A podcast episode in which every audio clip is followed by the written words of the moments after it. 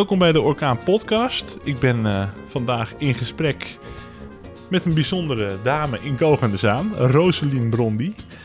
En uh, ik ben bij jou thuis de gast. Dankjewel voor de gastvrijheid. Ja, graag gedaan. In Kogende Zaan. En uh, nou, wat een leuk, leuk huisje heb je, kunst in de muur. En ik zie veel dingen met gedichten, dus ja, ik ben klopt. echt wel bij een schrijver ja. aangekomen. Hè? Ja. Hey, je hebt een, een boek geschreven. En dat boek heet Paas op. Daar gaan we het over hebben. En een roman die zich afspeelt op de paas. Um, ja maar uh, om te beginnen, wat, wat kun je over jezelf uh, vertellen? Uh. Nou, ik schrijf van vanaf mijn dertiende vooral gedichten en sinds kort dus een roman uitgeven, Paas op. Ik heb de opleiding Media, Informatie en Communicatie afgerond aan de Hogeschool van Amsterdam. En uh, ik werk nu als vlogger en uh, social media specialist bij Breedweer. Dat is een social enterprise. Dus uh, neemt mensen aan met een afstand tot de arbeidsmarkt. Dus daar voel ik me helemaal thuis. Oh, nou, wat, wat, wat super. Dus je kan mij nog heel wat bijbrengen over social media en hoe je je daar beter zichtbaar op kan maken en zo. Ja, inderdaad. Hm. Kan ik ook nog wel eens gebruiken, dus dat is, is helemaal fijn. En jouw, eh, jouw boek Paas op um, speelt zich dus af op een paas. Het woord paas, mensen hebben er wel eens van gehoord, denk ik, maar weten niet allemaal wat een paas is. Wat is volgens jou een, een paas of een paasafdeling? Nou, zeg maar, het is een psychiatrische afdeling, afdeling van het algemeen ziekenhuis. Dus dat zegt paas. Maar het is een afdeling, je hebt een gesloten afdeling en een open afdeling. En ook wel eens soms besloten afdeling. Het is half open, half gesloten een gesloten afdeling mag je niet naar buiten. Daar heb ik ook op gezeten. Uh, anderhalf maand tot twee maanden. Dat is wel pittig. Dan mag je alleen onder begeleiding naar buiten van familie en de verpleegkundige. En op de open afdeling mag je wel naar buiten, maar uh, moet je ook wel aangeven van ik ga nu naar buiten en ik ga nu dat en dat doen en mijn visite is er. Dus ik ga even een rondje lopen. Een besloten afdeling is dat je toestemming aan de deur moet vragen of je naar buiten gaat. Dus er zit de deur nog wel op slot, maar heb je meer vrijheden. Oh zo, dus uh, en het is echt altijd een, een, afdeling die aan het ziekenhuis gebonden is. Dus heel veel lokale pasen zijn er dan, zeg maar. Ja, nou niet ieder ziekenhuis heeft een paas, denk nee. ik. Maar in Zaandam hebben we er wel één, uh, ja, bijvoorbeeld. Het, van het ZMC. Ja, van het ZMC. Um, nou, het boek is een roman, dus het is een fictief verhaal, maar het is wel heel erg gebaseerd op dingen die je zelf hebt meegemaakt. Kan ik het zo zien? Ja, klopt. Sommige dingen zijn een beetje aangedikt. Zoals dat ik een spelletje uh, speel en het bord omgooi van mensen erg je niet. Maar uh, dat is een beetje om het meer uh, te belichten, zeg maar. Om het meer duidelijk te maken hoe zoiets gaat in een psychose. Ja. Um, nou, de, de hoofdpersoon in het boek, die heet Lisa. Ja. En um, die zit op een gegeven moment in de trein en die heeft allemaal waanbeelden. En die komt dan uh, ja, langzamerhand uh, in, de, in de zorgverlening uh, terecht. Klopt. Um, wat, wat kun je vertellen over het verhaal in het boek? Laat ik, laat ik daar eens eerst bij beginnen. Nou, het gaat dus over de psychose en de waanideeën die de hoofdpersoon beleeft. Het is gebaseerd op waarheid, dus wat ik heb echt heb meegemaakt. En dan krijg je helemaal uh, waanideeën, zoals dat je denkt dat je de God gezonde bent en dat je dan uh, de wereld moet redden van de demonen. Dat dan bijvoorbeeld. Dus je um, ziet bijvoorbeeld in een televisieprogramma of in een radio-uitzending, zie of hoor je allerlei stemmen die dan zeggen dat het precies dat het over jou gaat, dat programma. Of dat er een bepaalde boodschap in zit. Terwijl als ik er naar kijk, zie ik gewoon het acht uur journaal. en dat gaat gewoon over. Rutte. Ik had, uh, ik had ook bijvoorbeeld dat ik dacht dat ik een rol in goede tijden, slechte tijden speelde. En dan denk ik, dat gaat over mij. Ik speel de hoofdrol, maar ik weet niet hoe ik aan de hoofdrol gekomen was. Ja. En hoe is het dan op, op zo'n moment om dat dan mee te maken? Is het dan heel erg echt? Ja, het is heel erg echt. Het lijkt net een, zeg maar, of je droomt, maar dan overdag. Hmm. En soms eh, ga je er weer uit door medicatie of uh, schiet je er zelf uit door uh, dat je weer bij bewustzijn komt, zeg maar. Hmm. Dat is dan heel confronterend. En besef je dan ook dat het niet echt is? Of dat er iets raars aan de hand is? Of is het op in het begin wel, maar uh, dan denk je, twijfel je erg van wat moet je nou geloven? Jouw realiteit of wat anderen zeggen dat de realiteit is? Dus heel ja. erg uh, strijd in jezelf. Ja. En in het boek uh, heeft de hoofdrolspeelster ja, zo'n soort, dat soort ideeën en een aanval terwijl ze in de trein zit. Ja. Is dat bij jou zelf ook gebeurd? Of? Ja, is ook echt gebeurd. Want ik kwam van een uh, conferentie, van een bijeenkomst. En toen uh, was het zo heftig, allemaal die indrukken daar, dat ik uh, in een psychose raakte. Het was net de druppel, want ik had net mijn studie, scriptie afgerond. Toen raakte ik in een manie. Dus ik, werd, ik ben manisch depressief, dus ik werd heel hyper. Mm En manie veroorzaakt meestal een psychose. Dus toen uh, raakte ik in een psychose en toen uh, ging het helemaal mis. Toen moest ik uh, opgenomen worden onder dwang. Ja, en op welke leeftijd had je dat? was, even kijken, 24. 24. En, en had je daarvoor dat wel eens eerder gehad? Of was het echt voor jou ook een hele nieuwe ervaring?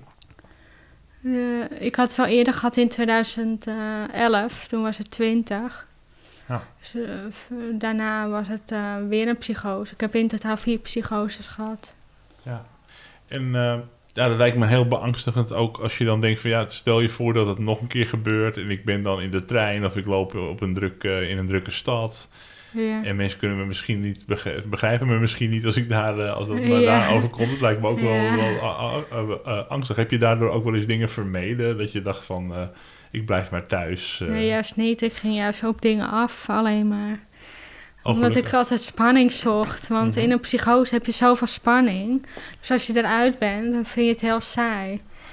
Oh, Omdat ja. het heel, een soort uh, attractie-idee is van uh, adrenaline. En dan eh, zoek je dat de hele tijd op om uh, te compenseren, dat gevoel van gemis. Ja, in het boek uh, lees ik ook wel een rebelse kant. De hoofdpersoon, die ook vast bij jou past. Uh, af en toe even dingen proberen. Hoe, tot waar ligt de grens? Hoe kan ik het... het, is, het is ook helemaal niet een, alleen een ernstig boek natuurlijk. Het, het, het is ook een boek met heel veel humor. En een creatieve schrijfstijl. Dat vind ik er heel mooi aan. Um, ja, hoe, hoe, belangrijk vond je humor bij het schrijven van, van het boek? Ja, dat is ook wel heel belangrijk. Dat het niet zo'n beladen boek werd. Niet zo'n beladen roman. Ik denk, het moet ook maar met humor. Want ik keek ook vaak met humor terug op mijn psychoses. Dus dat wilde ik ook terug laten komen. Ja, dat, uh, nee, dat, dat, dat vond ik echt heel erg leuk bij het lezen van het boek. En, uh, want het boek is ook um, geschreven om een beetje een taboe te doorbreken, volgens ja, mij. Ja, en daarom geef ik ook uh, lezingen en interviews. Om uh, taboe te doorbreken en vragen te beantwoorden van het publiek. Mm -hmm. Om zo taboe te doorbreken. Want jij hebt ergens gezegd, um, dat heb ik hier opgeschreven. Oh ja, een quote van jou. Je bent niet gek als je een psychose hebt gehad. Ja. Uh, dat, is dat een van de taboes die er om, uh, om, ja, omheen hangen? Want als ik ook vertel aan de apotheek of uh, zorginstellingen dat ik een psychose heb gehad, dan kijken ze ook maar raar aan. Ik was ook eens een keer bij een, hoe heet het ook weer, een drogisterij. En toen vertelde ik dat ik een psychose had gehad, van ik heb dat medicijn nodig of dat middel. Toen ging ze me gelijk me heel anders aankijken.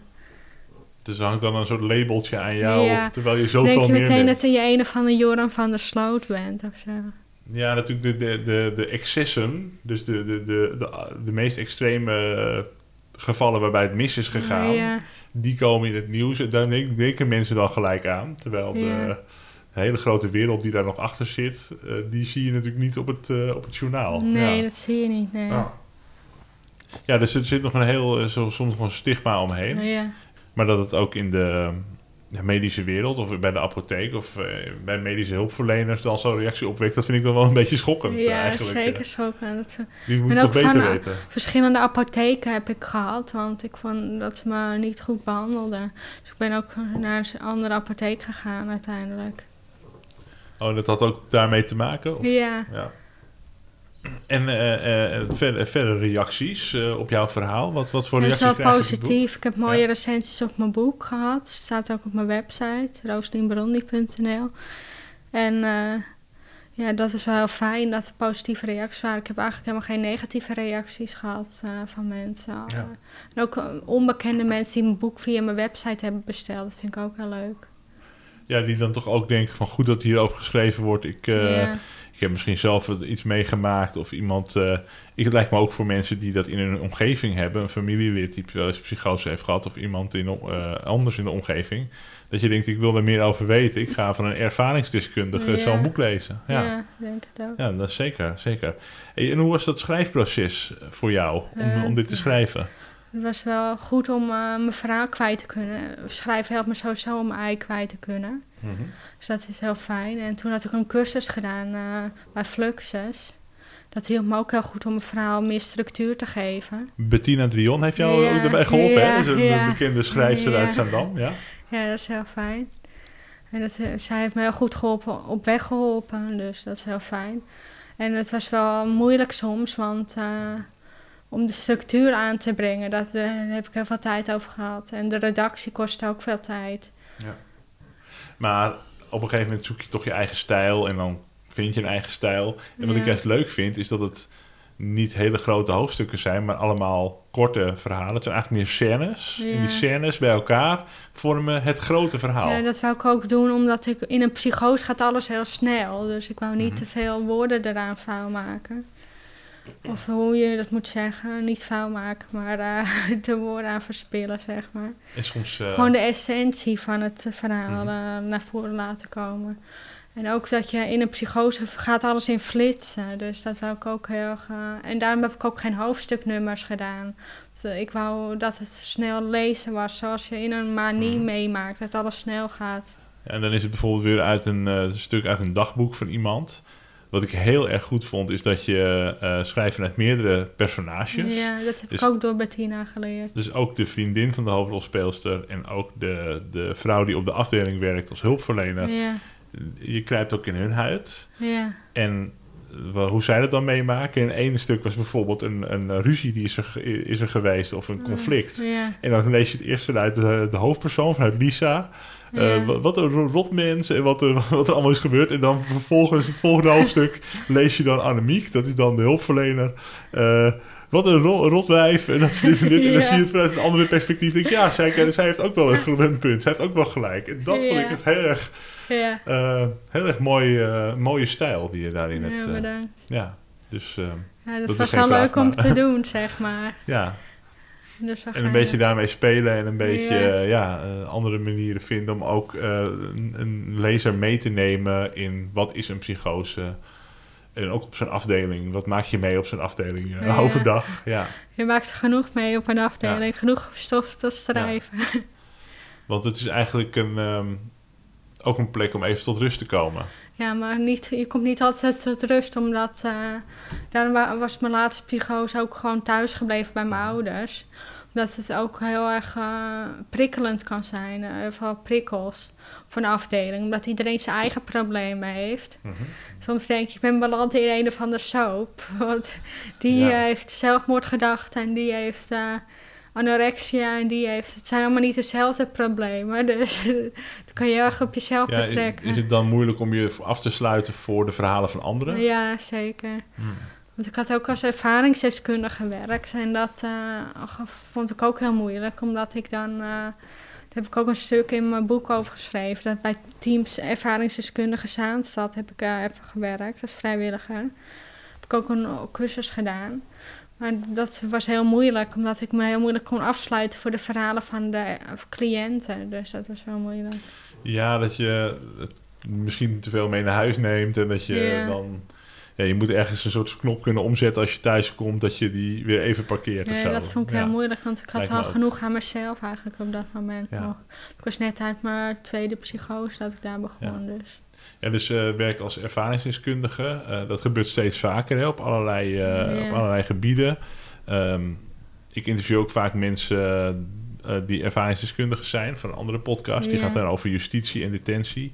En er zijn ook bijvoorbeeld... Um, nou ja, kunnen allerlei mensen zijn die zich inzetten als ervaringsdeskundige. Wat is, wat is volgens jou de, de kracht van een ervaringsdeskundige? Wat kan die brengen wat, een, wat iemand die er alleen voor geleerd heeft niet kan brengen? Ik had een ervaringsdeskundige en, uh, van het vak, het team waar ik, specialistisch team waar ik in behandeling ben in Zaandam, het oude RIAG. Daar uh, was ik, uh, had ik een ervaringsdeskundige die me heel me in mijn kracht te zetten. Dus dat vond ik heel mooi, uit, vanuit haar eigen ervaringen. Ze had ook uh, veel met poëzie. Dus ze stimuleerde mij ook om gedichten te schrijven. Dus dat is wel heel mooi. En ze zet me dus heel erg in mijn kracht. Dat vond ik de kracht van ervaringsdeskundigheid. Dat je vanuit je kwetsbaarheid ook de kracht ziet van die mensen. En die mensen hebben ook vaak uh, deels hetzelfde pad gelopen als wat jij als cliënt uh, ja, was. Zeker. Ja, ze had ook psychoses gehad, dus dat, uh, dat gaf wel een gemeenschappelijk gevoel. Ja. Proloog, dagboek van Lisa. Pas op dat je niet valt in het diepe dal van manisch depressiviteit. Ik loop weer eens door de wandelgangen van de paas. Hoe heeft het weer zover kunnen komen? Dat wordt je nu verteld. Ik liep over straat met mijn pyjama, zonder schoenen of zelfs sokken aan. Twee. Ik dacht dat mijn grote broer Big Brother mij volgde. Drie. Ik vertrouwde mijn vriendin en familie niet meer. Ik mocht daardoor niet alleen door voor de letter maar zelfs ook voor een hoofdprijs, een paasbreek, nu zinkluikeels. Ik loop hier alleen over de stille paas en er is niemand die mijn waarheid ziet of de variatie. Ademnood geef je nu maar bloot in mijn tijgerpyjama. Ja, dat was, is lol maken als je je dood maar dat was later, veel later gelijk een uh, mooi beeld van de humor die je ook gebruikt. Dat de, de, de, liedjes en dingen. Op een gegeven moment dat je, ik ga het ook niet meer wat je moet verzinnen natuurlijk. Hè. Ja. en als het alleen het grootste is, dan is de humor uh, ook uh, een redding af en toe. Ja. Zag je het ook bij anderen? Nee, ik zag niet echt bij anderen, maar ik dacht zelf moet ik... Zingen hielp me erg om door mijn angst te komen. En uh, dominee zei wel eens van uh, Wormveer... Uh, muziek opent deuren, had hij een keer achteraf gezegd na een psychose. Toen ik hem interviewde, toen denk ik dat klopt wel. Het let, mhm. opende letterlijk deuren van de gevangenis. In de Bijbel staat zo'n passage. En dat vond ik wel mooi. Dus ik dacht, uh, dat herken ik wel van mezelf, dat open deuren. Want toen ik heel veel de mantra's ging zingen in mijn psychose van de christelijke mantra's, toen uh, ging de deur opeens open van de isoleercel. En toen uh, dacht ik, zie je wel, het helpt wel. nou, ik, een goede tip voor iedereen die in de cel zit. Ja. Je weet nooit waar het, het nog allemaal goed voor is, hè? Ja. Dit gaat over de isoleercel waar ik in belandde tijdens mijn psychose. Mijn hele leven was een opeenstapeling van ellende. Ik had een prima leven totdat het noodlot toesloeg. Na mijn studie communicatie viel ik in een diep gat. Ik kreeg last van mijn manisch depressiviteit. Ik had al mijn energie en tijd gestoken in deze studie. Dit om niet te denken aan mijn psychische kwetsbaarheid. Maar nu werd mijn manisch depressiviteit heftiger dan ooit. Was degene die deze prachtige genen had geërfd. Klootzakken, hoe durven jullie mijn vrijheid af te pakken? Stelletje duivels. Nadat ik tekeer was gegaan, leek alles langs me heen te gaan. Alles werd één baas, tijd bestond niet meer. Ik was gevlucht voor de demonen. Maar ze hadden mij toch gepakt bij kop en blote kont. En in de isoleercel gedumpt. Ik was reddeloos, radeloos en redeloos. Uit pure wanhoop start ik met het zingen van lied uit de TC, een broedergemeente in Frankrijk, waar ik een aantal jaar geleden was geweest. Mijn TC-liederen waren mijn redding, mijn eigen TC-teksten. Bless the Lord who leads me into light. Ik vocht en huilde niet, maar ik zong man mijn mantra's. In de ruimte in geen klok, wel iets wat leek op een intercom. Ik drukte verschillende knoppen in. Opeens klonk muziek. Van schrik drukte ik nog een knop in. Ja, wat wilt u, mevrouw? God, wat wilt u echt? God. De stem verdween. Veel later zag ik een volgorde in de knoppen. Knop links, rechterknop, onderste knoppen, dan van links naar rechts. Oh nee, verkeerde code. Muziek eerst, dan intercom, dan of nee. Uitgeput van het staan ging ik op de grond zitten. Ik verschudde de kartonnen po die ik eerst verhoed aanzag. Ook verschudde ik het gevangenispak wat de demonen me aangetrokken hadden. Uit pure wanhoop zong ik weer mijn mantra's, van A naar Z, van Z naar A, om vervolgens te eindigen met Z. Na riedeltje duizend ging de deur opeens open. Ik geef je een injectie antipsychotica, deelde mijn sociaal verpleegkundige mij zakelijk mee. Oké, ik lag er al lang klaar voor. had het zoveel mantras moeten kosten uit mijn TC-repertoire. Daarna verschenen gebro gebroeders Hospitalo in de deuropening. Yes, de E-team is gearriveerd. En ik kom blij op het brancard, op de brancard. Ik was gezegend. I'm going to heaven. Wat is jouw beeld van, van de paas en van de psychische zorg in Nederland? Want je hoort wel eens over tekorten en dat er eh, niet genoeg tijd is voor mensen. Wat zijn jouw ervaringen daarmee? Nou, er zijn wel heel veel wachtlijsten, want ik wou uh, na mijn laatste psychose naar een psycholoog. Dan moest ik uh, drie maanden wachten en dat viel nog mee, want er zijn soms die jaren moeten wachten. Uh mhm. -huh. Maar ik heb er wel goede ervaring mee met het specialistisch team waar ik zit, het vakteam. Die, uh, die zorgt altijd voor dat er genoeg hulpverleners waren en altijd bereikbaar. Maar soms uh, rond de lunchtijd zijn ze niet bereikbaar. En dan heb je, dat vind ik wel vervelend. Want dan zijn ze, denk je, ik heb nu een hulpverlener nodig en dan zitten ze pauze te houden. Dan zijn met z'n allen tegelijk lunchen. Dat is ook niet heel handig, ja. Nee. Dus dat vind ik wel irritant. Want dan denk ik, ik heb je nu ja. nodig. En dan ben ik ongeduldig. Want dan denk ik, ik wil mijn probleem kwijt. En dan uh, zitten ze te lunchen. Ik zei tegen hun van... Uh, tegen hen van, uh, jullie zijn niet goed bereikbaar. Toen zei ze, ja, ik zit te lunchen rond die tijd. ja, dat heb ik ook als ik uh, naar de huisarts bel, hoor. Dan zijn er twee of drie uh, dames die daar de telefoon opnemen bij dat, bij dat centrum. En die gaan allemaal tegelijk. Dus uh, tussen 12 en uh, 1 zijn wij helemaal niet bereikbaar. Yeah. Ik ook gaan. Ga een keertje, ja, als we samen willen. Enfin, ja, ik wil ook niet te veel kritiek hebben op die mensen. Um, yeah. Maar uh, ja, je hoort wel eens dat, dat het aantal mensen met uh, psychische problemen ja. en met depressies dat het enorm stijgt. Ook ja. door de druk misschien die deze tijd met zich meebrengt. En met, en met corona ook. Uh, was vorige week nog in het nieuws dat heel veel jongeren ja. het psychisch zwaar hebben. Um, ja, maak je je wel eens zorgen over, over, over, die, ja, over die problemen? Dat er eigenlijk misschien niet genoeg plek voor is? Of? Ja, op zich wel. Maar ik sta niet echt dagelijks bij stil, maar uh, nee. ik maak me wel de druk om van hoe moet het nou met die zorg? Want uh, steeds meer mensen zijn depressief en uh, suicidaal en, of psychotisch en ze hebben helemaal geen tijd voor die mensen. Ze moeten een arm om ze heen slaan, dat is het belangrijkste. Ja. Het persoonlijke contact vind ik belangrijk. Ja. En niet alles via internet of zo. Ja, het belangrijkste is ook lijkt mij dat je, uh, wat je ook zegt, uh, een beetje uh, dat probleem oplossen of aan het probleem werken is belangrijk, maar vooral gezien worden. Ja, zeker. Dat je probleem gezien wordt en dat je zegt van oké. Okay, en dat er over gepraat wordt, dat is ook heel belangrijk. Dat heb ik ook gemerkt in mijn eigen ervaringen dat het bespreekbaar wordt gemaakt. Dat is steeds wel meer op tv en in de media zie je steeds meer uh, mm. ervaringsdeskundigen. En dat vind ik wel heel ja. prettig. Ja. Dat is... Um, ja, volgens mij, en volgens mij gaat het taboe daardoor ook steeds meer, uh, ja. steeds meer af. Ja. Ja. ja. Um, je hebt ook uh, al eerder geschreven. Hè? Um, ja. Dat kunnen we ook. Die, die website zitten we eventjes trouwens bij de show notes van deze podcast. Maar wat zijn je vorige je vorige boeken die je hebt gepubliceerd, dat zijn uh, gedichten, hè? Ja, dat zijn gedichten en de laatste bundels ook met korte verhalen. Het eerste is Liefde is als een bloem. Dat zijn uh, gedichten vanaf mijn dertiende tot uh, twintigste. daarna De Weg, dat heb ik vooral in mijn tweede psychose geschreven in 2013. En Ik weet hoe mooi je bent is een ode aan mijn toenmalige vriendin. Dat heb ik allemaal gedichten, liefdesgedichten aan haar geschreven. En ze staat ook achterin met een verhaal. Maar ze heb geen contact meer met haar. Maar ze heeft allemaal tekeningen gemaakt uh, aan de hand van uh, de gedichten. Dus uh, een beetje tribal gedi- tekeningen. Dus dat creatief zijn, dat helpt jou heel erg. ja, om het te uiten. Om ja. te uiten en dingen ja. te creëren is natuurlijk altijd prachtig. Dat schrijf je ook in het boek trouwens over de creabea. de, de creatieve therapie. therapie. Um, ja.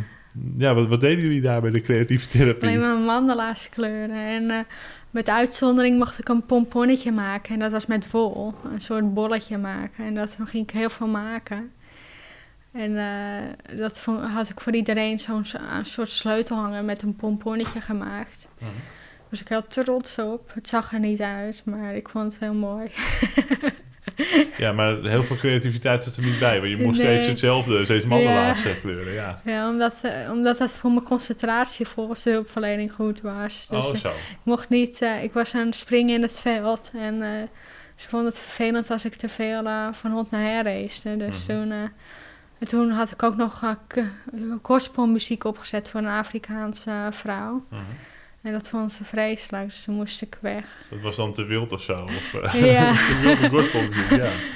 Nou ja, uh, het lijkt me juist belangrijk dat je inderdaad met creativiteit uh, aan dingen kan werken. En daar ook eventjes uh, goed gevoel weer kan krijgen. Of je kan concentreren weer. Of, ja, ja. ja. ja. de lezer wordt echt enorm meegenomen naar de ervaring. Of jouw, jouw ervaring dan in een romanversie van wat maak je dan mee op zo'n paas en wat ga je geestelijk door en hoe voel je je daarbij? En Dus ook vanuit de hulpverlener geschreven en dat vind ik uh, heel erg knap. Het boek dat heet uh, Paas op.